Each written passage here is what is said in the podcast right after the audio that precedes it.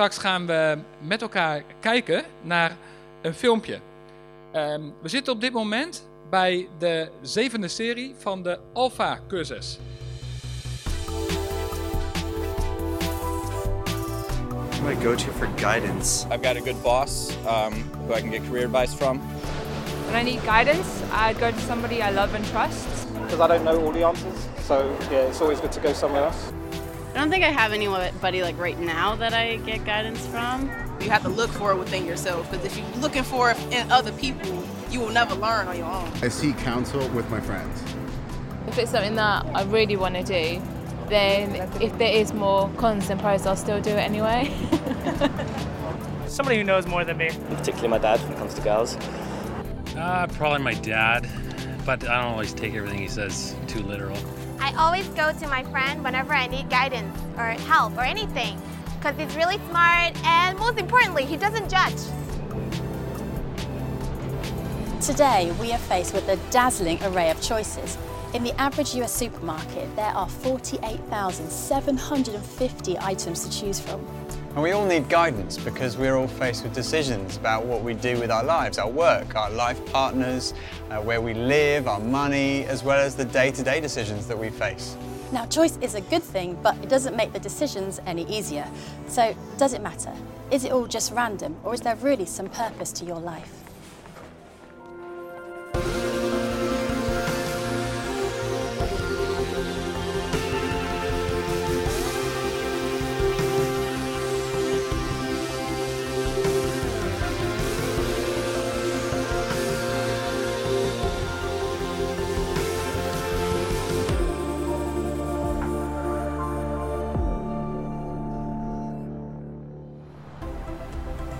It's been said that the two greatest days of your life are the day you were born and the day you find out why. St. Paul writes, For we are God's masterpiece. He created us anew in Christ Jesus so we can do the good things He planned for us long ago. God created you. Your life does have a purpose. You're not an accident. Your life has significance. God has a specific, unique destiny for you, and your life can make a difference. Sometimes this thought worries people that they might somehow mess things up and miss out on God's purpose, but that isn't the case. God's purpose for our lives is bigger than our mistakes. And in my own life, I've made lots of mistakes. There have been times when I've deliberately ignored God, times when I thought I'd just do my own thing because I thought that I knew best and I thought that I was strong enough to handle everything by myself. Ultimately, that ended up with me getting really hurt. So I was in a long term relationship which ended in a really painful breakup. And looking back now, I absolutely know that that relationship wasn't right for me, but I chose to ignore God. I felt so lost, but when I refocused on God, I knew that He loved me just as I was for who I am, and I felt lovable again, and I knew that I wasn't abandoned. Nelson Mandela said, Don't judge me by my successes, judge me by how many times I've fallen down and got back up again. You know, we had a sort of a heavy relationship, my mum and dad, and I never really got on with my father. And he was absent most of my life, actually, either drunk or having some affair, just awful. And then when I became a Christian, I wanted a relationship with my dad. I wanted him back in my life. I had to track him down, which I did, and he was living in a, a pensioner's flat in Macclesfield on his own. You know, I thought he'd have changed like I did. He hadn't. He was grumpier, he was older, he was drinking more, he was just vulgar, crude, you know, sarcastic. And exactly what I remembered. And I invited him down to our house, to our home in, in London and he'd get the train down and I'd meet him at Euston Station. And every time I'd meet him on, on the platform, I'd go and get him when he was coming off. He'd be whinging and moaning and complaining and slightly drunk. And one of the things he used to whinge about all the time was money. And then one day he came to stay and it's, um, he got quite poorly and had to go to the local hospital. Ended up staying for a week. It was a nightmare. Um, and I wanted to get him back home when he was better. So we took him to Euston Station and I put him on the train uh, and sat him down. And right in the middle of the carriage, I had this over- overwhelming feeling of love for my dad, and it was really weird. And I almost started to cry in the carriage, and I looked at him and I felt really sad for him. That we'd never had a relationship. I don't ever remember eating a meal with my father. All that stuff came up for me. And in my mind came this idea to upgrade his ticket to a first class ticket to Manchester. And, and I bought a very expensive single uh, first class ticket back to Manchester. And I walked him into the first class compartment and I sat him down and I kissed him on the head.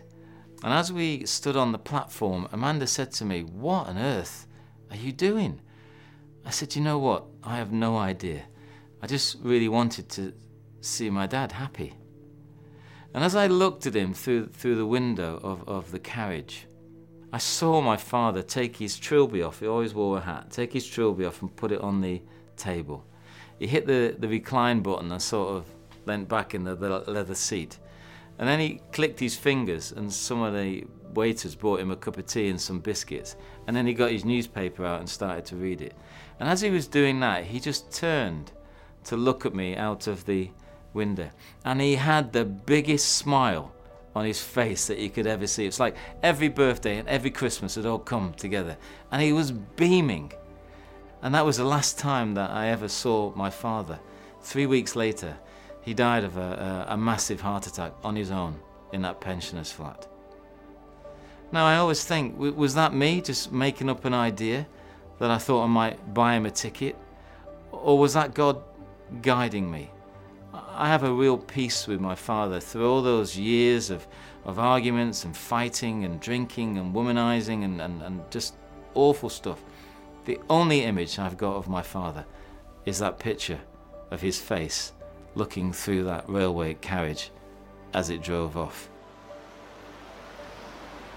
I'm not very good at following directions. I'm always getting lost, so I find using a map really helpful. So every time I go the wrong way, it just keeps rerouting me. And it's infinitely patient. It just carries on finding a different way. Now, obviously, you can switch it off, you can ignore it, but if you follow it, generally you'll have a much more enjoyable journey. And it's a bit like that with God. Obviously, the analogy breaks down because we're not dealing with a device, we're dealing with a person who loves us. This is a relationship with God, and He has a purpose for you, and He's infinitely patient. I will instruct you and teach you in the way that you should go. I will counsel you and watch over you. How, in practice, does God guide us? Well, it's a relationship, and He speaks to us. But how do we hear His voice? I found in practice there are five main ways in which God speaks to us. Sometimes it's just one of these ways. Sometimes, for a very big decision, it might be all five. And the first one is commanding Scripture. The psalmist says this Your word is a lamp to my feet and a guide to my path. The Bible is God speaking. And I've found in the time since I've been a Christian, this has been the main way in which God has guided me through His Word as we read this, we, we, we hear him speaking to us about his love for us, how we're his children, he loves us. We see that his purpose for all of us is to know his love for us and to respond by loving him. This is how we find the meaning and purpose of our lives in a love relationship with God. And then we're called to love other people to love our family, to love our friends, to love our neighbor, to love our enemy. We can love in so many different ways. Little acts of kindness. So many people out there are really struggling in life. And little acts of kindness, they cost nothing, but they can make such a difference to a person's day or even their life.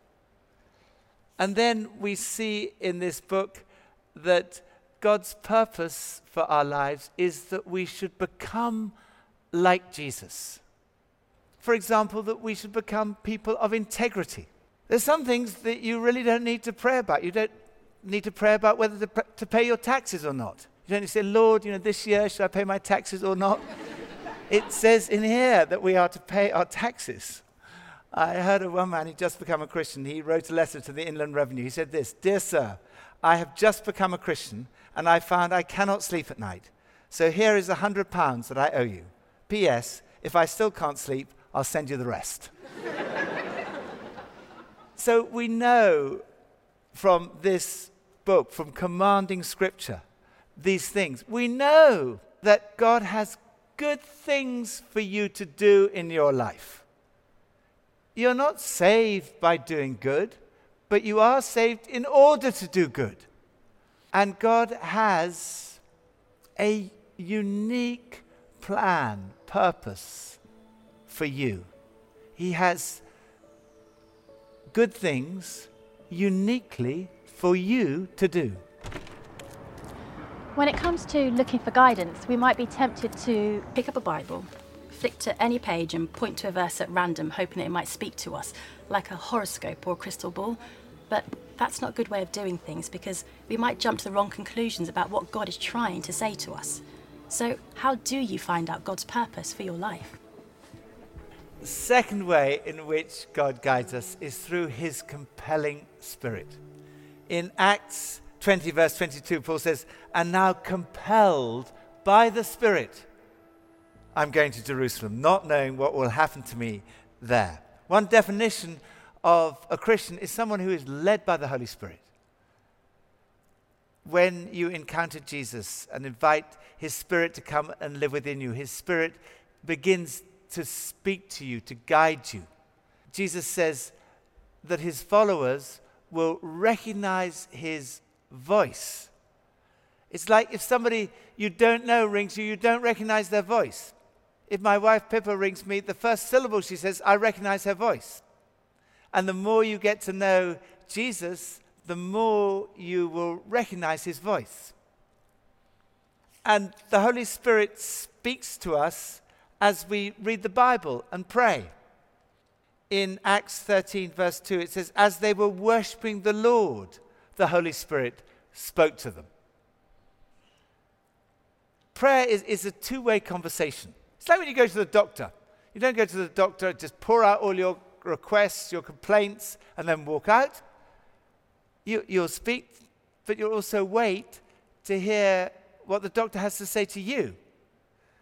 And it's the same when we're praying. It's not just that we're speaking to God, we're also listening to what God has to say to us.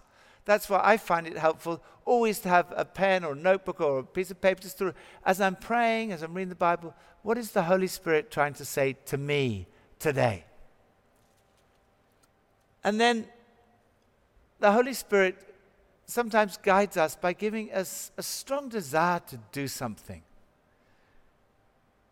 In Philippians 2, verse 13, Paul says, God works in you to will and to act according to his good purpose. Before I was a Christian, if you told me that I had to be a clergyman in the Church of England, I would have thought that was absolutely the worst thing I could ever imagine doing. It was so boring, so dreary, such a ghastly job. The last thing on earth I wanted to do. But when the Spirit came to live within me, He gave me a strong desire to do what I'm doing now. And then God sometimes guides us in more unusual ways prophecy, visions, pictures, dreams, impressions, or sometimes, on, to some people, even an audible voice. A few years ago, I was working as an English teacher in London, and I was hoping to move into a more business centered role in communications. Back at university, I'd studied French, and I spent a year living in France, and I'd always wanted to go back and work there. And I remember one evening I was invited to a meeting at church. My faith was actually pretty low at the time, but I agreed to go along anyway. And the person who was leading the meeting was this well known church leader who was really widely respected for his spiritual discernment. After his talk, he said, I have a feeling that France is an important place for you. I remember thinking, that's interesting, but probably just a coincidence. Then a few of his team came up and asked if they could pray for me. One shared a Bible verse that had always meant a lot to me, and another had an image that really struck a chord with me for personal reasons, again relating to France. I remember later praying and saying to God, okay, God, if this is you and this is right, I need more confirmation.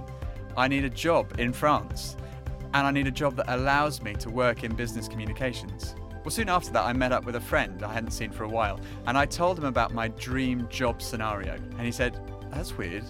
I was just talking to my aunt, who runs a company that specializes in corporate communications right near Paris. So I got her details. I sent her my resume, I got an interview, and was offered a job at the business school in corporate training. Looking back, I realized that God was guiding me in all sorts of different ways through the Bible, through prayer, through other Christians, through circumstances. It didn't mean that everything was easy. I had to push doors, I had to keep trusting, even when it was difficult. But it showed me that God is able to guide us in our decisions. The third way God guides us is through the counsel of the saints. In other words, advice from other Christians. And that's what's special about church to be part of a community of other Christians where we can help one another. In Proverbs, it says, The wise listen to advice. And I'd encourage you to search out the people who have wisdom and experience and listen to their advice and make an informed decision. Ultimately, of course, the final decision is yours, but it's wise to seek advice.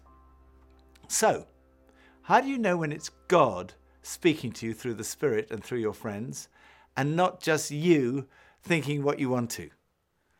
Of course, it's possible to make mistakes or misinterpret what we've heard, but the Bible helps you to test whether what you've heard is right. St. John says, Test the spirits to see whether they're from God. So, first, is it in line with what the Bible tells us? Second, is it strengthening, encouraging, comforting? Does it promote love? If it's not loving, then it hasn't come from God. Third, do you feel a sense of God's peace about the decision? Paul writes, Let the peace of Christ rule in your heart. So if you don't feel peaceful about it, then it's probably not right. The fourth way God guides is through your common sense. Now, you don't lose all your logic and reason when you become a Christian. You are still you. God's promises of guidance were not given to save us the problem of thinking. The Bible tells us the general will of God. We know, for example, that singleness is a high calling. Jesus wasn't married, but in general, marriage is the norm. But the Bible won't tell us who we should marry. You have to use your common sense and ask yourself, well, are we compatible? It's the same in career decisions. You know, sometimes after people come to faith, they sometimes wonder, should I leave my job? Well, St. Paul says each of you should retain the place in life that the Lord has assigned to you and to which God has called you. Each of you should remain in the situation which you were in when God called you. God has called you to that job for a purpose. So the general rule is stay exactly where you are until God calls you into something else. And whatever God calls you into will be something that suits your temperament, your, your personality, education and skills. And you can ask yourself, well, what do I like doing? What are my gifts and passions and what can I do well? And the final way that God guides us is through circumstantial signs. Sometimes we're faced with a really difficult decision. We might say to God, I don't know which direction to go. I don't know whether this is the right relationship or not, or this job is right, or I don't even know whether this is the right decision or not. Well, Proverbs 16:9 says, "In your heart you may plan your course, but the Lord determines your steps." And Psalm 37:5 says, "Commit your way to the Lord, trust in him, and he will act." Because God can shut doors or he can open doors. And the key is to commit the decision to Him and then trust Him with the result. So we need to watch the circumstances, but just not put too much weight on them. Sometimes we need to persevere in spite of the circumstances. So basically, God draws alongside us and He takes our ordinary stuff and He turns it into something beautiful. And He doesn't do it instead of us, He tells us to keep going and He works with us. In the mid 19th century, the British aristocrat Lord Radstock was staying in a hotel in Norway. One evening, he heard the sound of a piano being played horribly in the hallway downstairs. He looked and saw a little girl who was making the most terrible noise. He was normally a patient man, but slowly the continuous racket began to drive him mad. As he watched, a man approached and sat down beside her. Rather than stop the little girl's efforts, the man began to play, constructing chords alongside her. With each keystroke, his playing complemented her notes, and suddenly a breathtaking sound filled the whole hotel. He took her mistakes and discord and turned it into something utterly beautiful. As Lord Radstock later found out, the man playing alongside the girl was her father, the famous 19th century Russian composer, Alexander Borodin. Often, as we look back, we can see that God can use our mistakes, and goodness, I've made so many of them. God didn't put me in prison, I did. God didn't make me get two divorces, I did. But He's helped me all the way, th- all the way through it. You know, dysfunctional parents, alcoholics, thrown out when I was 15 through an argument with my father, uh, moved into a squat with a, with a gang, got in trouble with the police, ended up with a prison sentence, came out of there, joined the army at 21, uh, two marriages, two divorces, almost alcoholic, from being bullied at school to joining the army boxing team and being a bully in a uniform. My mother died. Um, I hadn't seen my mum since I was a kid. She got ill. She had cancer. My mum and dad were both heavy smokers and heavy drinkers. Uh, a long story short, again, she got put into hospital. I had about 10 days with her and she died. She had a massive sort of um, tumour and, uh, and just fell asleep in, in my arm. And that was a catalyst for me, really, to, um, to start thinking about stuff. And that set me on a journey. And then shortly after that, a friend of mine said, You've got lots of questions, you should probably try an Alpha course. You know, 16 years in the army. I've jumped out of airplanes, I've done rifle courses, I've done military, I've done courses on everything. I'll do a course on God. And I remember just sitting there listening to these talks, and I thought, do you know what? I've never heard any of this stuff. It was all completely new to me. And, uh, and I prayed. And my prayer was if you're up there and all this stuff is true, and you can make me a better man, you can make me a better character, you know, you could make me, hopefully, a faithful husband, a good father, someone who people would like, then you know what, let's go for it. And then things started to change. Really weird stuff was going through my head. You know, I thought, I've lived with my girlfriend eight years. Maybe we should get married. We talked about it and we got married. Prayed and got my son back in my life who left when he was three. He's now 36 and living with us. And now I've got a 18 year old daughter who's gorgeous. I mean, if you'd have told me, you know, a few years ago that I would be a vicar in the Church of England, I'd have said you're completely crazy. It was the furthest thing from my, it wasn't even in my mind. I still have to pinch myself at, at times. So I'm working with people now who really I've been around most of my life. A lot of people I can relate to. I work with the homeless, those affected with mental health issues, those in prison, those coming out of prison through a charity called Caring for Ex-Offenders. And I was presented with a, an MBE for, for me, which I think is really exciting for working with ex-offenders. And to be honoured like that is, is extraordinary. And it's what God says I have a good and perfect plan for your life, plan to prosper you and not to harm you, plan to give you hope and a future. And He says that He will never leave us nor forsake us. And, and that for me is what, what keeps me going. Often it's as you look back on your life that you see God has been guiding you. He has a purpose for your life.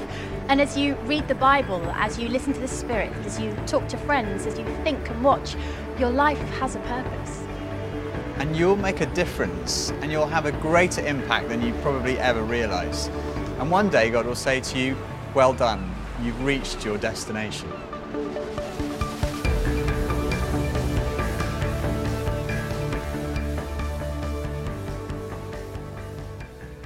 Oké mensen, hoe uh, ervaar je die leiding van God in je leven? Dat is wel een spannende. Ik reed hier vanochtend naartoe en toen dacht ik ook aan iets van, uh, ja, is dit nou God of niet? Nee, ik ga jullie gewoon om raad vragen, want ik weet het echt nog steeds niet, wat ik er nu mee moet. Dus misschien heeft iemand voor jullie een goede tip. Ik reed, uh, reed een maand of twee geleden door een klein paadje achter ons huis. En er is daar een schutting en die steekt een heel eind uit. En ik kon er gewoon niet goed langs met mijn fiets, dus ik, ik douw gewoon met mijn terwijl ik er langs fiets, douw ik er tegenaan. Beetje geërgerd zo, van ah, die irritante schutting, waar maken ze dat niet? En ik hoor aan de andere kant een groot geraas en er valt een enorme pot naar beneden. En uh, je weet het wel, Jennifer, ik kon mijn buren schreeuwen. Die vonden dat geen leuk idee. Die zaten net in de tuin. nee, het was niet jouw schutting. en um, ik hoorde een hoop geschreeuw. En uh, ja, ik legde even aan die mensen uit wat er was gebeurd. En dat die schutting ook zo, zo ver uitstok, stak. En inmiddels hebben ze hem gerepareerd. Hij doet het weer keurig. En ik had de laatste tijd ik een paar keer het idee van eigenlijk moet ik even bij ze langs gaan en die pot gaan vergoeden. Maar is dat nou gewoon een idee van mij? Is dat, een, is dat, is dat de stem van God? Moet ik daar iets mee? Ik vind het eigenlijk ook vreselijk stom om na twee maanden daar nog voor langs te komen. Nou, dat zijn van die dingen. Uh, misschien klein. Uh, en soms heb je grote beslissingen. Waar je echt ja, over nadenkt van... Moet ik, dat nou, moet ik dat nou doen of niet? Brit zegt dat ik het moet doen. Als dat twee maanden nog niet weg is, uh, zegt Henk, dan moet je er misschien toch mee. Toch iets mee. Nee? Oké. Jullie horen het nog als het goed is. um, en ik dacht van, weet je, voordat we naar de muziek gaan luisteren, geef ik jullie gewoon nog eens heel kort een voorbeeld van een heel belangrijke beslissing die ik in mijn leven moest nemen toen ik echt alle vijf die criteria wel even nodig had. Want het was um, heel lang geleden, het vorige millennium, 1999, dat ik echt ergens mee zat. Ik had een probleem en wat me zo ontzettend dwars zat, ik lag er echt wel wakker. Ik dacht, hoe bestaat het dat de kerk de mooiste boodschap heeft alle tijden en hem zo slecht verpakt?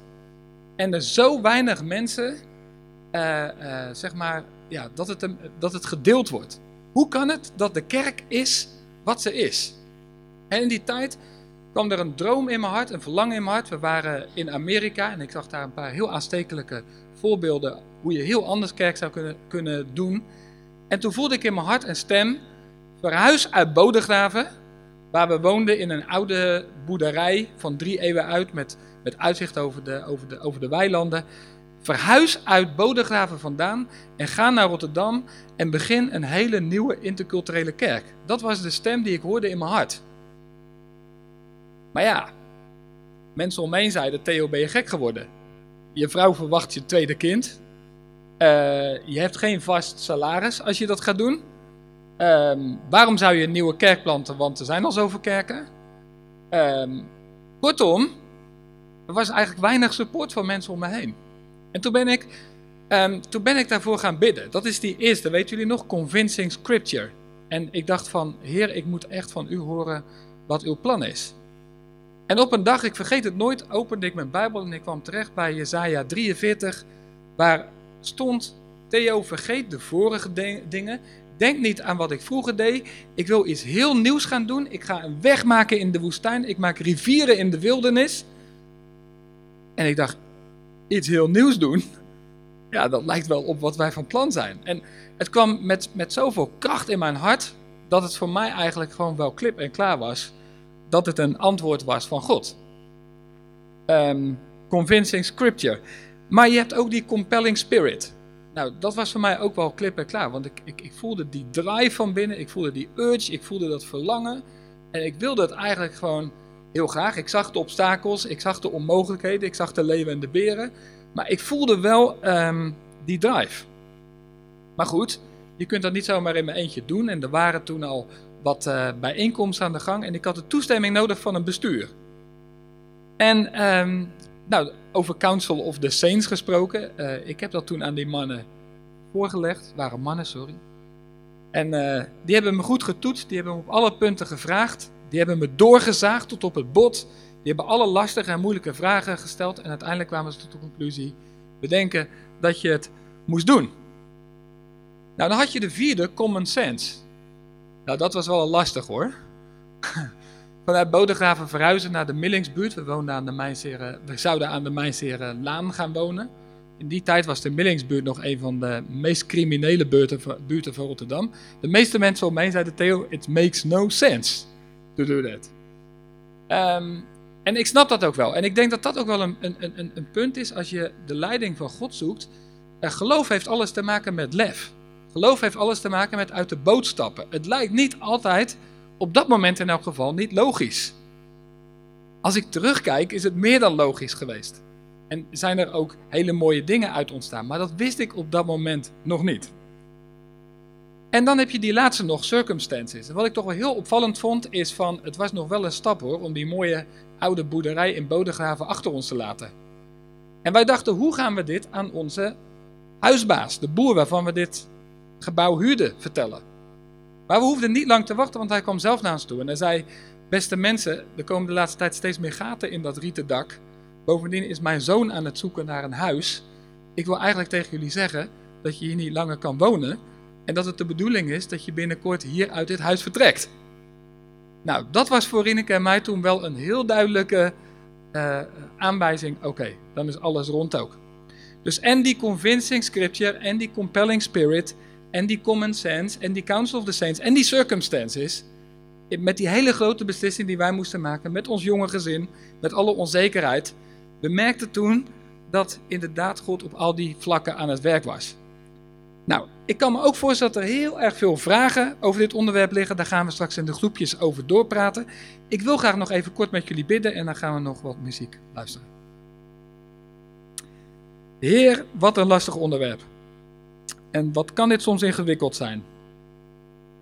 En tegelijk is er niets mooiers dan dit: ons leven toevertrouwen aan de God van het universum, die ons meeneemt op een reis die ons grootste voorstellingsvermogen te boven gaat. Die ons dromen in ons hart geeft, verlangens in ons hart legt, deuren wil openen, het onmogelijke tot stand wil brengen, zoals wij dat nooit ons hadden kunnen voorstellen. Maar Heer, we geven het ook gewoon eerlijk toe. We zijn controlfreaks. We houden zelf heel graag het roer in eigen handen. Iemand anders die tegen ons zegt wat we misschien zouden moeten doen, daar houden we meestal niet zo van. En daarom ja, willen we aan u vragen. Geef ons hier uw leiding in. Dat vragen wij aan u in de naam van Hem die kwam naar deze aarde en het kerstfeest maakte. In onze wereld liet zien wie u was. Uw stem deed verstaan.